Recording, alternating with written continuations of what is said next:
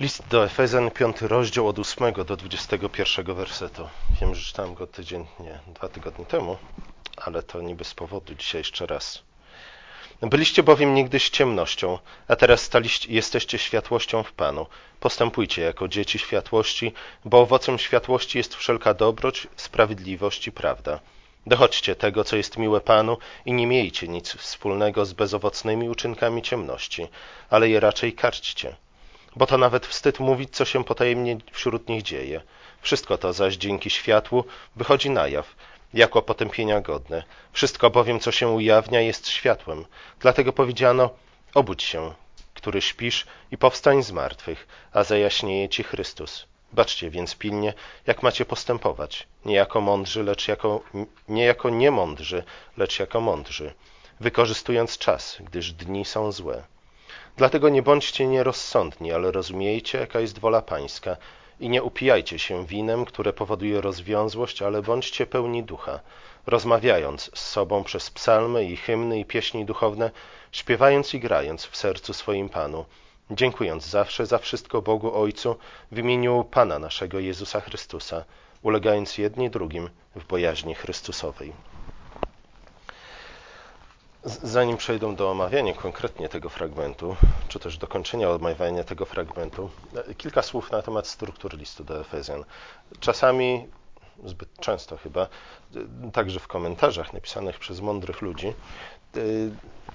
e, spotykamy twierdzenie, że ta druga część listu do Efezjan jest takim dość luźnym, luźną aranżacją luźnie zebranego materiału, być może Paweł po prostu odpowiadał, czy też ustosunkowywał się na pewne problemy, jakie pojawi, pojawiły się w kościele w Efezie. E, więc trudno doszukiwać się tutaj związku między jednym i drugim. E, wydaje mi się, że, że nie do końca jest tak, ze względu na to, że zwykle jednak w Piśmie Świętym, w księgach Pisma Świętego, materiał e, dobrany jest dość uważnie, aranżacja jest ważna, struktura jest ważna. Po tej strukturze możemy się wiele dowiedzieć i między innymi tak jest z dzisiejszym fragmentem. Nie? Jeśli zastanowimy się nad strukturą całego listu, dowiemy się, dlaczego akurat Paweł w którym to wersecie, w wersecie 18, 19, mówi o tym, żebyśmy nie upijali się winem, ale raczej napełniali się Duchem Świętym poprzez śpiewanie psalmów. Nie? Dlaczego akurat w tym miejscu? Ale na początku odrobina przypomnienia. Pierwsze trzy rozdziały, jak zapewne jeszcze pamiętacie, mówi o odkupieniu, jakie mamy w Chrystusie. Mówi też o wynikających z tego przywilejach, błogosławieństwach. A więc najpierw Paweł mówi o tym, że Bóg w Chrystusie nas zbawił, uwolnił nas z niewoli grzechu i tak dalej, i tak dalej. Druga część listu mówi o, o praktycznych implikacjach tego, te, tego odkupienia. Innymi słowy, co powinno wynikać z faktu odkupienia.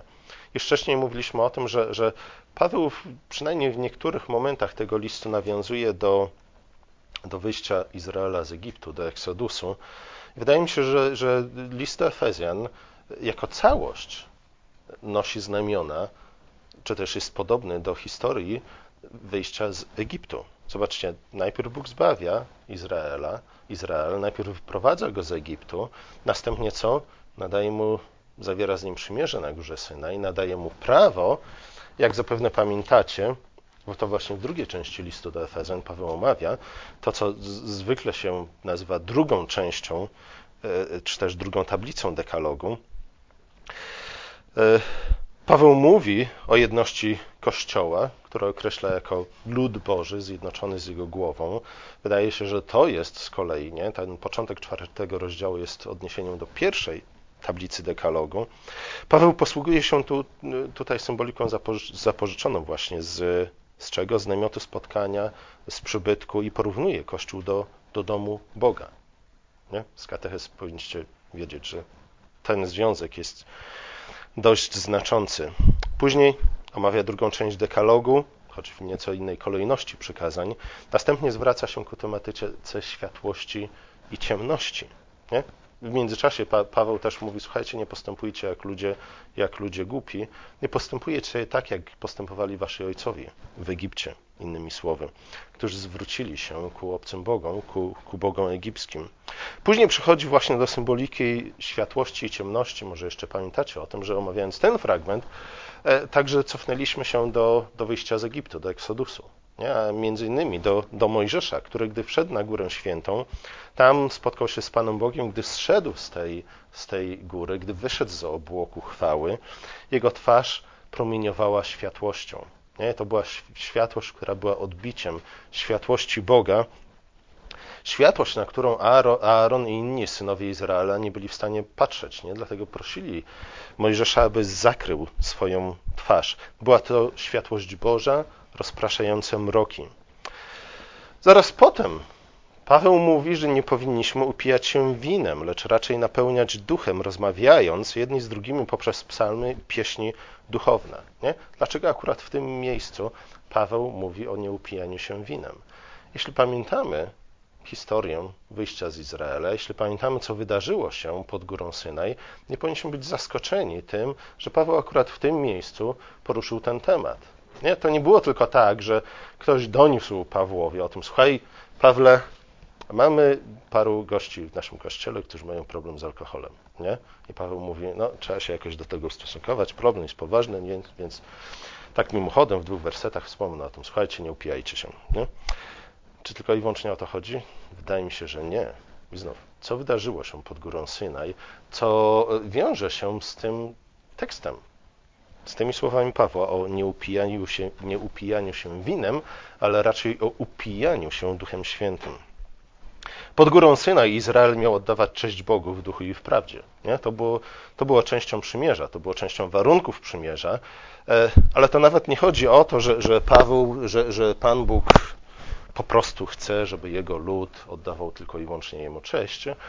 Spotkanie się z Bogiem, nabożeństwo, oddawanie Bogu czci w duchu i w prawdzie jest naszym przywilejem i powinno być naszą radością. Nie? I im bardziej dojrzewamy w, w, nas, w, naszej wierze, tym bardziej tęsknimy za tym, żeby spotkać się z Bogiem, nie, nie tylko i wyłącznie y, w naszej sypialni wieczorem czytając Pismo Święte, ale spotkać się z Bogiem przy tej świątecznej okazji, jaką jest nabożeństwo, pośrodku Jego ludu, nie? dlatego że tu Bóg jest obecny w szczególny sposób. A zobaczcie, co, co uczynił Izrael. Izrael za, zamiast podążać za czym? Za przykazaniem Boga, za, za radą Boga, e, zamiast odnaleźć prawdziwą radość i prawdziwe szczęście w oddawaniu Bogu czci w duchu i w prawdzie, co sobie zrobił? Co uczynił? Zrobił sobie złotego cielca nie? i u, u, urządził e, w gruncie rzeczy pijacką orgię. Nie? Zrobili sobie złotego cielca z, z, przedmiotów, które miały być przeznaczone na budowę świątyni pańskiej. Powiedzieli, że ten cielec jest Bogiem, który wyprowadził ich, ich z Egiptu i urządzili sobie po prostu pijacką orgię. Nie? To Izrael czynił u podnóża góry Synaj, kiedy Mojżesz przebywał na górze w obłoku chwały, rozmawiał z Panem Bogiem na temat warunków przymierza, jakim Bóg miał się związać ze swoim ludem. Paweł więc wydaje się nawiązywać nie, do tej historii i nakazuje Efezjanom, by trzymali się z daleka od fałszywego kultu, lecz raczej brali udział w prawdziwym kulcie. Nie? To jest coś, co powinno wypływać w sposób naturalny z faktu naszego zbawienia. Jeśli zostaliśmy pojednani z Bogiem w Chrystusie, to oczywiście chcemy oddawać Mu cześć w sposób, w miejscu, w czasie i w towarzystwie, jaki Bogu się podoba. Dalej Paweł przechodzi do, do wzajemnego poddania, to jest 21 werset, następnie będzie mówił o małżeństwie, będzie mówił o tym, jak mąż i żona mają się nawzajem do siebie odnosić, jak mają się odnosić, jak mają wyglądać relacje między rodzicami i dziećmi, między przełożonymi i podwładnymi. I to też nie jest przypadkowa aranżacja tekstu, ze względu na to, że jak czytamy drugą księgę mojżeszową, księgę wyjścia, to widzimy, że wraz z nadaniem prawa i ustanowieniem prawdziwego kultu, Bóg także nadał Izraelowi właściwe struktury władzy. Nie? Uporządkował Izrael jako społeczeństwo. E, nadał Izraelowi pewne społeczne struktury, struktury władzy, którymi Izrael miał się kierować w swoim codziennym życiu. Na koniec Paweł wzywa w liście do Efezjan, adresatów listu, i chyba nas też, do tego, abyśmy założyli całą zbroję Bożą. Nie? W kontekście wyjścia z Egiptu, w kontekście Eksodusu, wydaje mi się, że, że tę część listu do Efezjan powinniśmy powiązać z czym? Z walką, z wejściem do ziemi obiecanej, z walką o Kanaan, tak więc przede wszystkim z księgą Jozłego. Możemy zatem powiedzieć, że, że list do Efezjan pokazuje, w jaki sposób rzeczywistość Starego Przymierza została przemieniona w czym? W Nowym Przymierzu. Nie? Paweł w gruncie rzeczy y, opowiada na nową, czy też ukazuje nam obraz chrześcijańskiego życia w kontekście właśnie wyjścia z Egiptu. I Paweł mówi o tym, abyśmy postrzegali nasze własne, nasze, nasze własne życie, nasze własne zbawienie e, poprzez pryzmat tamtej historii. W liście do, w pierwszym liście do Koryntian, w 10-11 rozdziale, Paweł też nawiązuje do wyjścia z Egiptu i mówi, słuchajcie, e, to wszystko, co się wydarzyło w tamtych czasach, nie? między innymi przejście przez Morze Czerwone, między innymi to, że Bóg karmił was chlebem z nieba, to, że Chrystus był skałą, który podążał za wami i z tej skały mogliście pić e, wodę, wodę życia, e, a mimo to niektórzy z nich pomarli na, na pustyni, to także powinno być dla nas, jako dla Kościoła, pewnym przykładem, pewnym schematem i pewnym pouczeniem. A zatem warto zwrócić uwagę na to, że mamy tu do czynienia nie z zerwaniem ze Starym Testamentem czy ze Starym Przymierzem. Nowe Przymierze nie jest odrzuceniem starego i zastąpieniem go czymś całkowicie nowym, ale jest raczej przemienieniem. Nowe przymierze jest starym przymierzem, przemienionym przez śmierć i zmartwychwstanie Chrystusa. O tym mówi Paweł w liście do Kolosan w drugim rozdziale, kiedy mówi o tym, że stare przymierze umarło wraz z Chrystusem na krzyżu, ale podobnie jak Chrystus zmartwychwstał, także ono zmartwychwstało. To na temat trochę na temat struktury listu do Efezjan, o której myślę warto pamiętać, żebyśmy lepiej zrozumieli, co Paweł e, do nas chce powiedzieć. W środku piątego rozdziału Paweł wzywa adresatów listu, by postępowali jako ludzie mądrzy, a nie jako głupcy. I dla Pawła oznacza to przede wszystkim chodzenie, e, chodzenie w światłości Chrystusa, a nie chodzenie w demonicznych mrokach. I później wyjaśnia nam, co to znaczy. Co nieco na ten temat mówiłem dwa tygodnie temu, więc dzisiaj tylko pokrótce. Etyczne postępowanie, innymi słowy, ma o wiele większe znaczenie niż badanie i demaskowanie knowań i spisków sług szatana. Niestety wielu chrześcijan znajduje o wiele więcej czasu na badania e, knowań i spisków sług szatana niż na czynienie dobra. Nie? Tak bardzo są zajęci demaskowaniem zła, że nie mają już czasu na to, żeby, żeby czynić dobro. Z drugiej strony Paweł wydaje się nas ostrzegać przed tym, że poświęcanie zbyt, nawet jesteś, jeśli jesteśmy prawdziwymi, odrodzonymi, odnowionymi chrześcijanami i tak dalej, i tak nie? spędzanie zbyt wiele, skupianie zbyt dużej uwagi na knowania szatana, nie?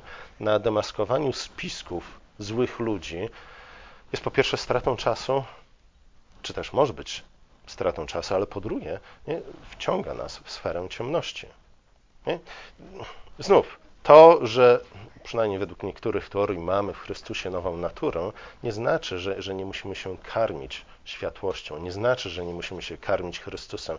To nie jest jakaś magiczna przemiana, która nastąpiła raz w naszym życiu i później już absolutnie nic nie będziemy, nie musimy robić. Dobro w jakiś automatyczny sposób będzie wypływać z, naszych, z naszego serca. Nie, Paweł mówi, że, że tak nie jest.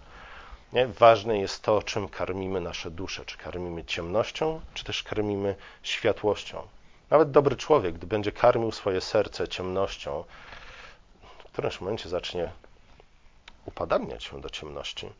Dlatego, do, do, Paweł dlatego dodaje, że mądrość polega e, na czynieniu dobra, Mądrość polega na wykorzystywaniu czasu. Wykorzystywaniu czasu do czego? No właśnie, wykorzystywaniu czasu na czynienie dobra. Greka tego fragmentu pozwala nam przetłumaczyć go jako wykorzystywanie y, sposobności, czy, czy, też okazji. Innymi, innymi słowy, Paweł mówi: Słuchajcie, badanie ciemności, z tym wiążą się, wiąże się wiele problemów z tym wiąże się wiele problemów. Y, problem jest jeden taki, że karmimy się nie tym, co dobre, nie światłością, ale ciemnością. Marnujemy czas y, na badanie ciemności, zamiast wykorzystać wszystkie okazje, które Bóg nam daje do tego, aby czynić dobro. E, zwróćmy uwagę na to, że, że te słowa zawierają nie tylko poradę, nie tylko wezwanie, nie tylko nakaz i przykazanie, ale także obietnicę. W każdym Bożym przykazaniu zawsze jest zawarta także obietnica. Bóg, Bóg nie przykazuje nam nigdy czegoś, czego nie jesteśmy w żaden sposób, czy też nigdy nie będziemy w stanie wypełnić. Innymi słowy, Paweł mówi: Słuchajcie, chrześcijanin nigdy nie jest w sytuacji, w której nie ma żadnej możliwości do czynienia dobra. Nie? To, że nie czynimy dobra, jest naszą własną winą. To nie jest tak, że Bóg nie daje nam okazji do czynienia dobra. To nie, nie powinniśmy nigdy mówić: Ach, ach, chciałbym uczynić tak wiele dobrego dla, dla świata, dla biednych, dla niewierzących, dla kogoś tam jeszcze, nie? Ale po prostu nie mam okazji do tego, żeby, żeby coś dobrego uczynić w moim życiu. Bzdura, nie? Totalna bzdura, przynajmniej według słów Pawła. Jeśli w ten sposób myślimy, to przeczymy temu, co, co Bóg mówi nam w swoim słowie. Y, to odrzucamy przede wszystkim obietnicę, którą Bóg zawarł w swoim słowie. Nie? Nigdy nie jesteśmy bez okazji do tego, aby czynić dobra. Jeśli nie czynimy dobra, nie? to nie znaczy, że, że nie czynimy go dlatego, że, że nie mamy do tego możliwości, ale dlatego, że po prostu nie chcemy. Nie? Może zbyt wiele czasu spędzamy na tym, żeby badać z fascynacją lub nie ciemność. Może, może spędzamy zbyt wiele czasu na narzekaniu na to, że nie mamy okoliczności, sposobności do czynienia dobra, a może marnujemy czas na marzenie o zrobieniu tak wielkiego dobra, iż zaniedbujemy rzeczy małe i rzeczy drobne, od których Bóg chce, abyśmy zaczęli. I, I, o których Bóg bardzo często mówi, że słuchajcie, jeśli nie będziecie wykorzystywać drobnych okazji do czynienia dobra, nigdy nie dam wam wielkich okazji do czynienia dobra.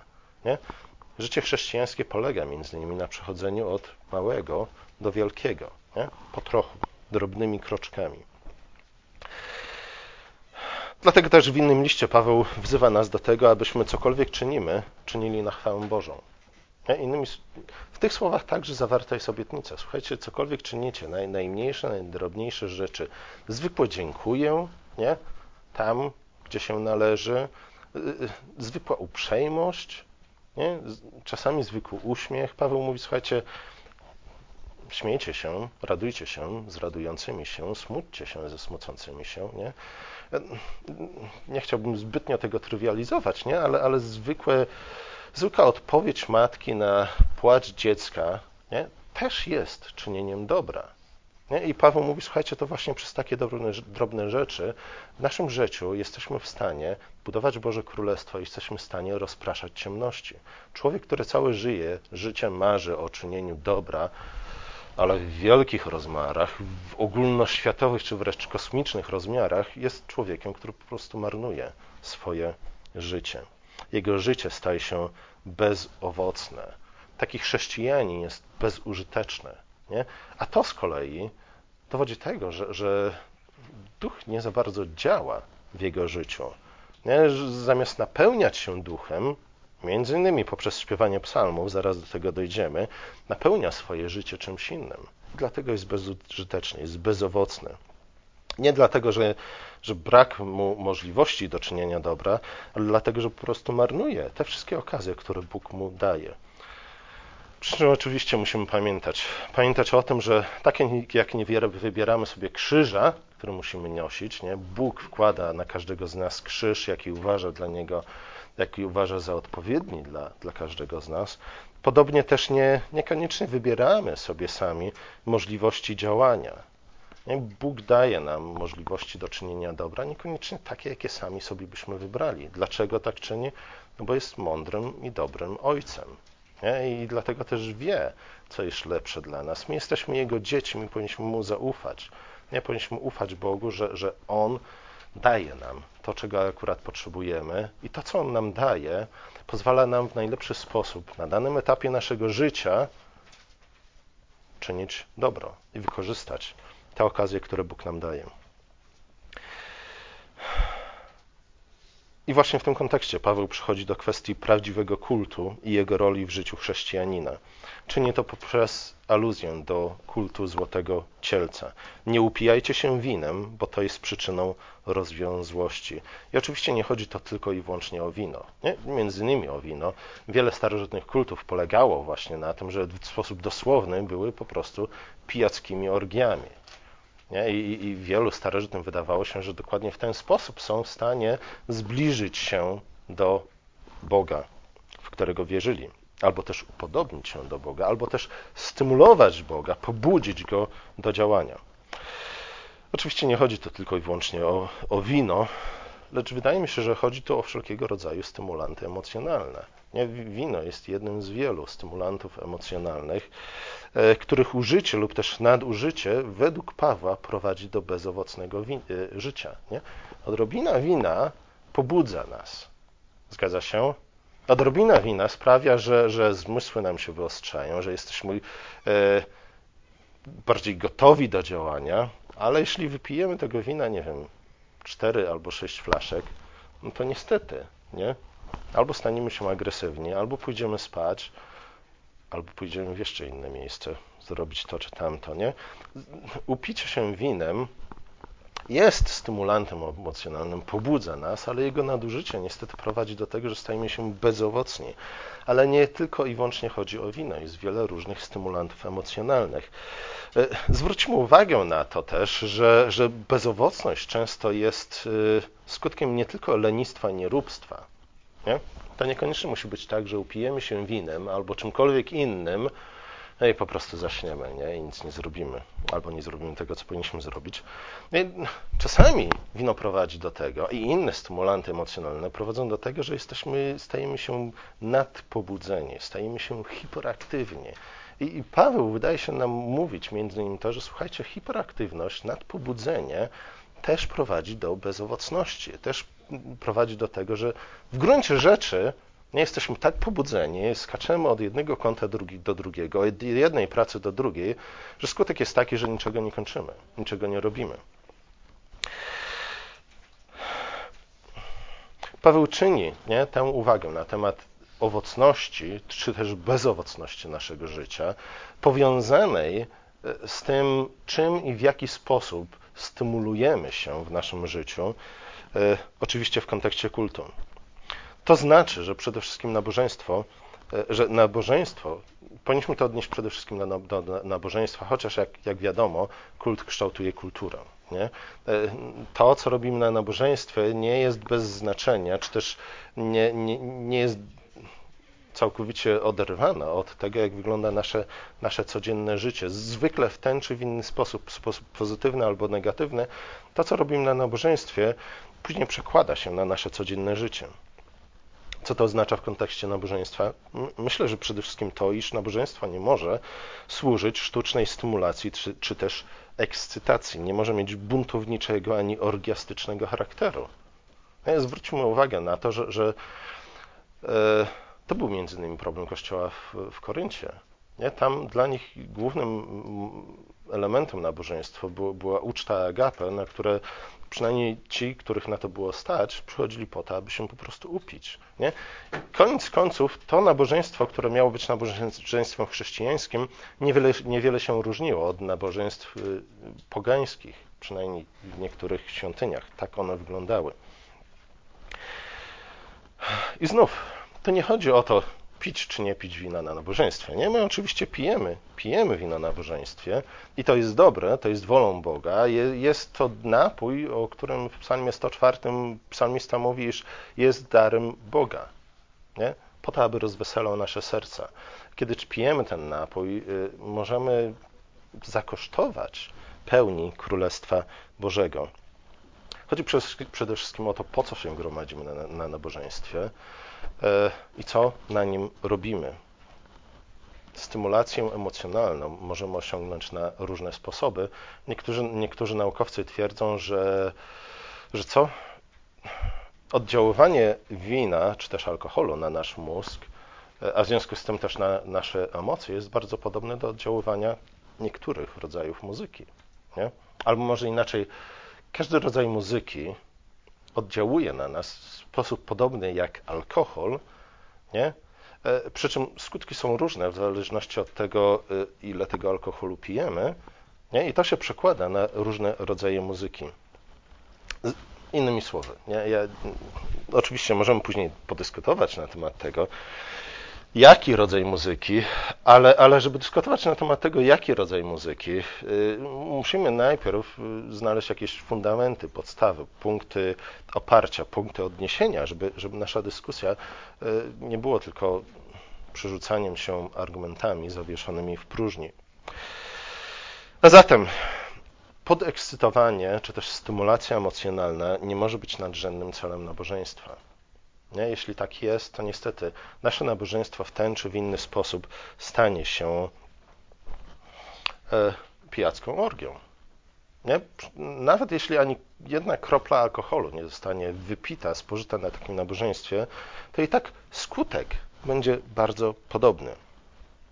Podobnie też retoryka nie może być głównym znakiem rozpoznawczym dobrego kaznodziei. Nie? Wielu kaznodziejów ma, ma nie, to może wynika z jakichś tam naturalnych. Tomkowi się nie podoba moje kazanie i włączył transmisję, trudno, ale jest nagranie jest nagranie. Słuchajcie, nie, mo, może widzieliście tak jak kaznodziei, nie? I niestety tacy kaznodzieje bardzo często przyciągają wiel, wiel, wielu ludzi. Zresztą dzisiaj chyba bardziej muzyka przyciąga ludzi do kościoła niż, niż zdolności retoryczne kaznodziei. Zwykle jak ludzie mówią o, o dobrym kaznodziei, to podkreślają jedną rzecz, nie? No może dwie rzeczy. E, krótkość kazań i prostotę kazań. Nie? Jeśli kazanie jest proste, maksymalnie trzy punkty, coś, co można bezpośrednio zastosować. Kiedyś spotkałem pewną osobę, która, która była zachwycona, nie? zaczęła chodzić do nowego kościoła i, i już po pierwszym nabożeństwie była zachwycona i mówi, słuchajcie, no cudowny kościół. Nie? Dlaczego? No bo takie, takie życiowe, takie praktyczne kazanie, nie? Wszyscy chcemy słuchać życiowych i praktycznych kazań. A się pytam, no, o czym było to kazanie? No, pastor w zasadzie to nie był pastor, to był, to był ktoś tam inny, jakiś profesor tego czy tamtego. Powiedział, słuchajcie ludzie, e, nie bierzcie chwilówek, nie? bo jak się za bardzo zadłużycie, to potem nie będziecie mieli problemu ze spłaceniem tych długów. Cudowne objawienie.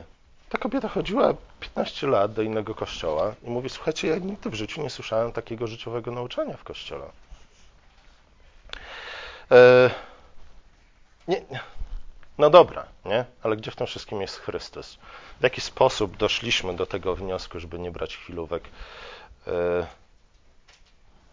od tekstu pisma poprzez Chrystusa, nie? Do tego praktycznego zastosowania.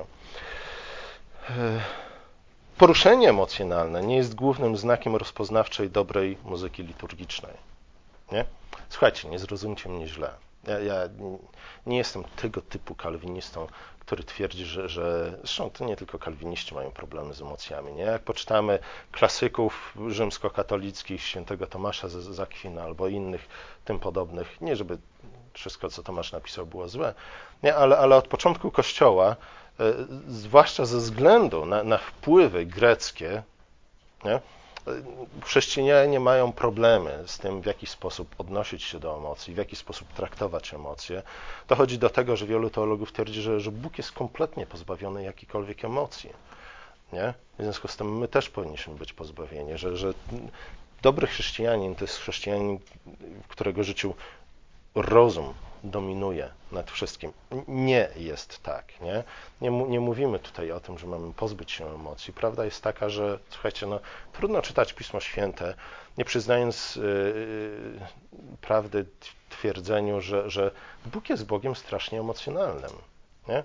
To znaczy, że jego emocje rządzą nim, nie? podobnie jak nami nie powinny rządzić emocje, ale to nie jest tak, że Bóg jest pozbawiony emocji. Bóg jest Bogiem bardzo emocjonalnym. Ja bym powiedział, że, że gdyby Chrystus pojawił się między nami, to co wyprawiał nie? przez trzy lata, chodząc po Palestynie, przypuszczam, że bardzo często byśmy się po prostu obrazili na niego i powiedzieli, Panie Jezu, nie? chyba trochę przesadzasz. Nie, a zatem to, to nie chodzi o to, że, że, że emocje są złe. Nie? E, chodzi o to, że ekscytacja i egzaltacja nie są znakami prawdziwego kultu i nie są, nie są celem prawdziwego kultu. E, często niestety bywa tak, że, tam, gdzie egzaltacja i ekscytacja są celem kultu, e, niestety w tym kulcie nie, niewiele jest miejsca na, na rozum właśnie. Nie? Jesteśmy istotami emocjonalnie ro, ro, rozumnymi i tak powinno być. Tak, takimi, nas Bóg, na, takimi nas Bóg e, zrodzi. Nie możemy być tylko i wyłącznie mózgiem, tak samo jak nie możemy być tylko i wyłącznie sercem albo nerkami, jakby to stwierdził autor Starego Testamentu. E, Paweł, Paweł porównuje ekscytację i egzaltację do stanu upojenia alkoholowego, co znaczy, że prowadzą one do, do podobnego zachowania. E, nie, ekscytacja, egzaltacja prowadzą do podobnego zachowania, do zachowania podobnego do zachowania pod, podyktowanego e, zamroczeniem umysłowym pod wpływem alkoholu. Nabożeństwo mające na celu przede wszystkim podekscytowanie uczestników, sztuczną stymulację emocjonalną uczestników, nosi znamiona kultu Złotego Cielca. Nie zapominajmy przy tym, że kult kształtuje kulturę, jak już powiedziałem. Nabożeństwo kształtuje życie codzienne. Człowiek, którego umysł został zamroczony przez e, tego typu nabożeństwa, którego celem przede wszystkim jest ekscytacja, nie? stymulacja emocjonalna, e, egzaltacja. Zwykle chodzi, człowiek, który uczestniczy w tego rodzaju nabożeństwie, nie? E, przez kilka dni później chodzi zamroczony. Nie?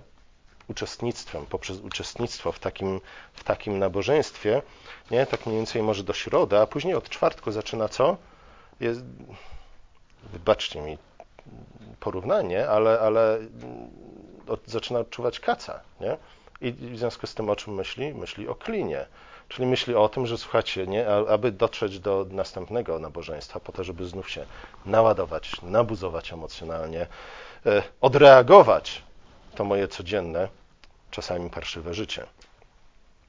E, ponadto człowiek taki jest emocjonalnie, zobaczcie, taki człowiek, jaki jest problem z tym człowiekiem? Co sprawia, że staje się e, jego życie bezowocnym? Taki człowiek jest emocjonalnie rozhuśtany, emocjonalnie niestabilny. A to prowadzi do tego, że trudno mu jest się skupić na czymś innym niż właśnie myśl, czy też raczej pragnienie e, tej stymulacji emocjonalnej.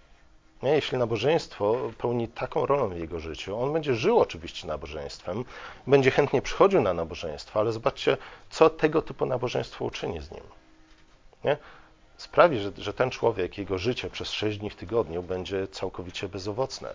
Nie? Jego myśli będą skupione na tego typu nabożeństwie, nie? co w tym kontekście nie, nie oznacza na, na wielbieniu i czczeniu Boga w duchu i w prawdzie, ale oznacza stymulację emocjonalną. Nie? Jedni chodzą w piątkowe czy też sobotnie wieczory na, na dyskoteki, na imprezy, żeby odreagować, inni chodzą na nabożeństwa, żeby odreagować. Ale to oznacza, że, że człowiek znajdujący się w takim stanie emocjonalnego rozhuśtania, y, człowiek emocjonalnie niestabilny, taki człowiek jest jego życie staje się bezowocne. Trudno mu się skupić przez dłuższy czas na pracy wymagającej wysiłku, uwagi i czasu. Taki człowiek często jest nieprzydatny do tego albo mało przydatny do tego. Innymi słowy, taki człowiek marnuje często nie? te drobne okazje do czynienia dobra, te drobne okazje do czynienia dobra, które, które nie przynoszą często natychmiastowej gratyfikacji emocjonalnej, niektóre wymagają od nas uporu, wytrwałości, cierpliwości, które wymagają od nas też bardzo wielkiej dozy wiary i nadziei. Nie? Żebyśmy gdzieś tam oczami wiary ujrzeli w przyszłości, może za 5, może za 10, a może za 430 lat owoce nie? Tych, tych drobnych, dobrych uczynków, jakie wykonujemy w naszym życiu. Nie? Zobaczcie, między innymi tego wymaga od nas y, wychowanie dzieci. Nie? Tego wymaga od nas y, nauka i edukacja, nasza własna i, i, i też innych. Tego wymaga od nas zwykle prowadzenie jakiegoś biznesu. Nie? Całe nasze życie wymaga od nas tego, żebyśmy, będąc ludźmi stabilnymi emocjonalnie, będąc ludźmi, innymi, innymi słowy, ludźmi, którzy e, widzą sens w czynieniu małych, drobnych, dobrych uczynków, na przestrzeni wielu lat w oczekiwaniu, w nadziei owocu, które kiedyś wydadzą te małe, drobne uczynki, nie? tacy ludzie mogą być owocni w swoim życiu. Dlatego, że tacy ludzie mogą skupić swoją uwagę, poświęcić się, swój wysiłek i przede wszystkim poświęcić czas na budowanie królestwa w ten sposób. Ludzie rozhuśtani emocjonalnie oczekują szybkich i ekscytujących rezultatów swojej aktywności. Nie? E, dlatego też działania, które nie związane są z natychmiastową gratyfikacją emocjonalną, e, odrzucają jako zbyteczne, złe, nie? niepotrzebne. W jaki sposób wiąże się to z, z teorią otwartych drzwi? Pewnie słyszeliście o teorii otwartych drzwi. Nie? E, a, a propos e, poszukiwania woli Bożej. Wielu chrześcijan wierzy w to, że, że Bóg pokazuje nam swoją wolę, prowadzi nas przez życie, e, otwierając przed nami drzwi. Nie? No dobra. Ale według Pawła drzwi dla nas do czynienia dobra są non-stop otwarte. Nie? Zwykle nie chodzi jednak o to w tej teorii otwartych drzwi. Nie? Zwykle chodzi o to, że Bóg otwiera nam taką możliwość, inną możliwość, nie? I, w wyniku tego podążamy tym torem niesieni wiatrem historii. E,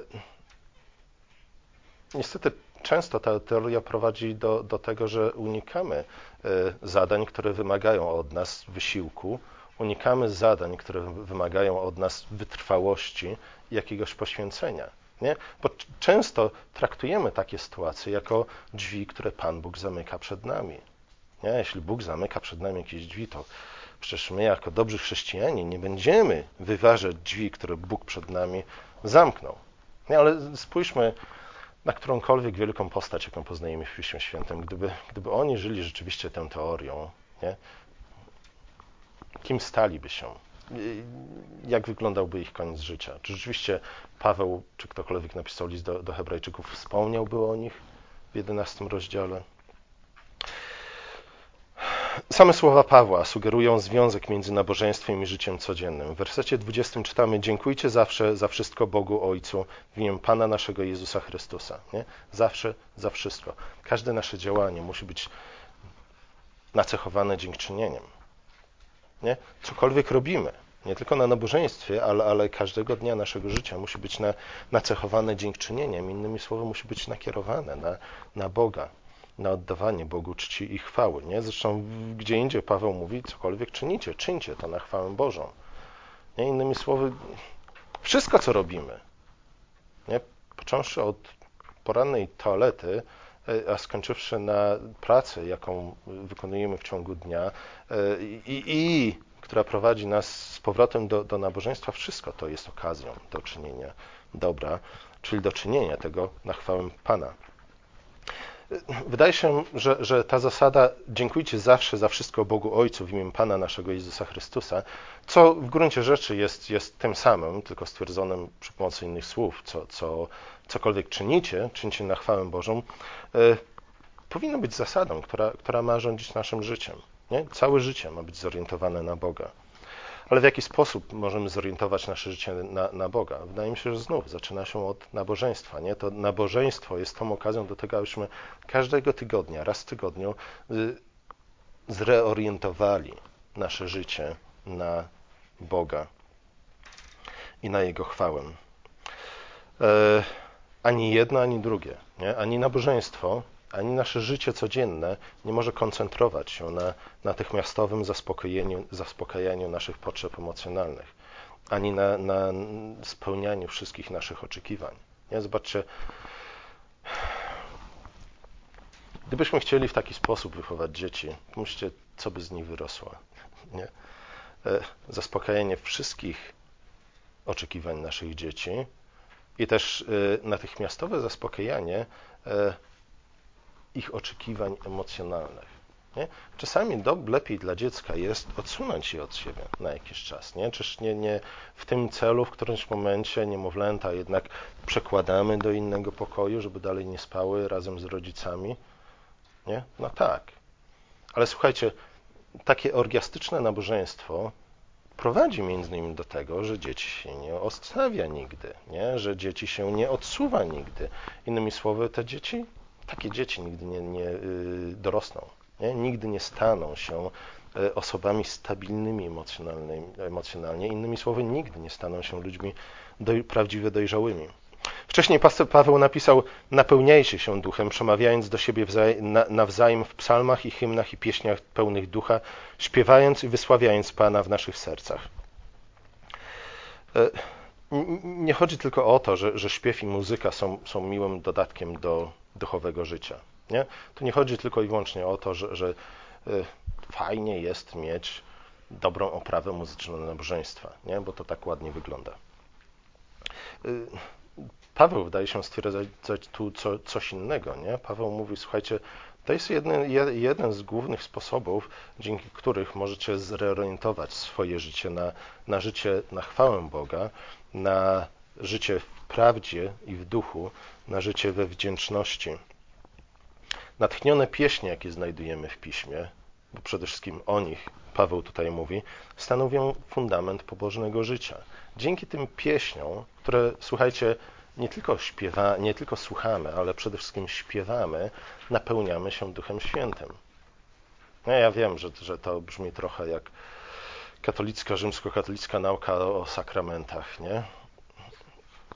Ale jakoś to tak działa. Nie? Jak, jakoś y, zdaniem Pawła Hebrajczycy, którzy jedli chleb z nieba i pili wodę ze skały, karmili się duchowym pokarmem.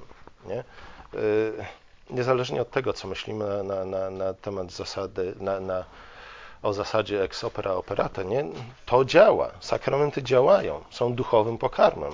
Podobnie pieśni duchowe są dla naszej duszy duchowym pokarmem, przy czym służą nie, przede wszystkim nie wzmocnieniu naszego ciała, ale służą temu, aby ukształtować w naszym życiu właściwy stan emocjonalny i właściwy też światopogląd. Nie? Psalmy to nie tylko muzyka, psalmy to także te teksty. Poprzez nie poznajemy zarysy światopoglądu chrześcijańskiego. Innymi słowy, uczymy się patrzeć na świat w sposób, który podoba się Bogu. Nie? Uczymy się patrzeć na świat Bożymi oczami. Ale psalmy też kształtują naszą emocjonalność, nie? tak aby były prawdziwą emocjonalnością, emocjonalnością odzwierciedlającą emocjonalność, jaką Pismo Święte e, przypisuje samemu, samemu Bogu. E, wiele można było mówić na temat tej emocjonalności. Nie? To, to nie jest taka emocjonalność znów taka przyciszona, przyklapnięta, nastawiona tylko i wyłącznie na, na, na wyniki, czy też na statystyki, nie? Jest, jest to emocjonalność, która, jak już mówiłem, jest emocjonalnością bardzo żywą, bardzo bogatą. Jest emocjonalnością, która lubi ucztować, lubi świętować, nie? ale jest emocjonalnością, która właśnie dzięki temu, że jest uregulowana przez Słowo Boże, jest stymulowana poprzez pieśni duchowne, natchnione przez samego ducha, jest emocjonalnością, która e, wprowadza równowagę, i harmonią do naszego życia. Nie? I sprawia, że nasze życie staje się o wiele bardziej owocne niż życie człowieka, który jest rozchwiany emocjonalnie przy pomocy orgiastycznego kultu. Tak czy inaczej, psał też musi, wydaje się, musi stanowić jądro naszego nabożeństwa i naszej pobożności i w ten sposób kształtować nasze codzienne życie. Oczywiście oprócz psalmów i pieśni, które, natchnionych pieśni, które znajdujemy w piśmie, inne pieśni są, są ku temu bardzo przydatne. Nie? Pod jakim warunkiem? Pod warunkiem, że są znów odbiciem światła, jakie znajdujemy w pieśniach natchnionych. Psalmy zatem napełniają nasze życie duchem, czyli światłością, o której wcześniej pisał Paweł. Światłość ducha rozprasza mroki naszego życia, Dokładnie tak, jak miało to miejsce w czasie stworzenia świata. Nie? Tam też duch Boży, obłok chwały rozproszył mroki, w których pogrążony był świat. To oznacza też, zobaczcie, rozproszenie tych mroków, jak mówiłem dwa tygodnie temu, oznacza co? Zaprowadzenie porządku i rządów Bożych w świecie.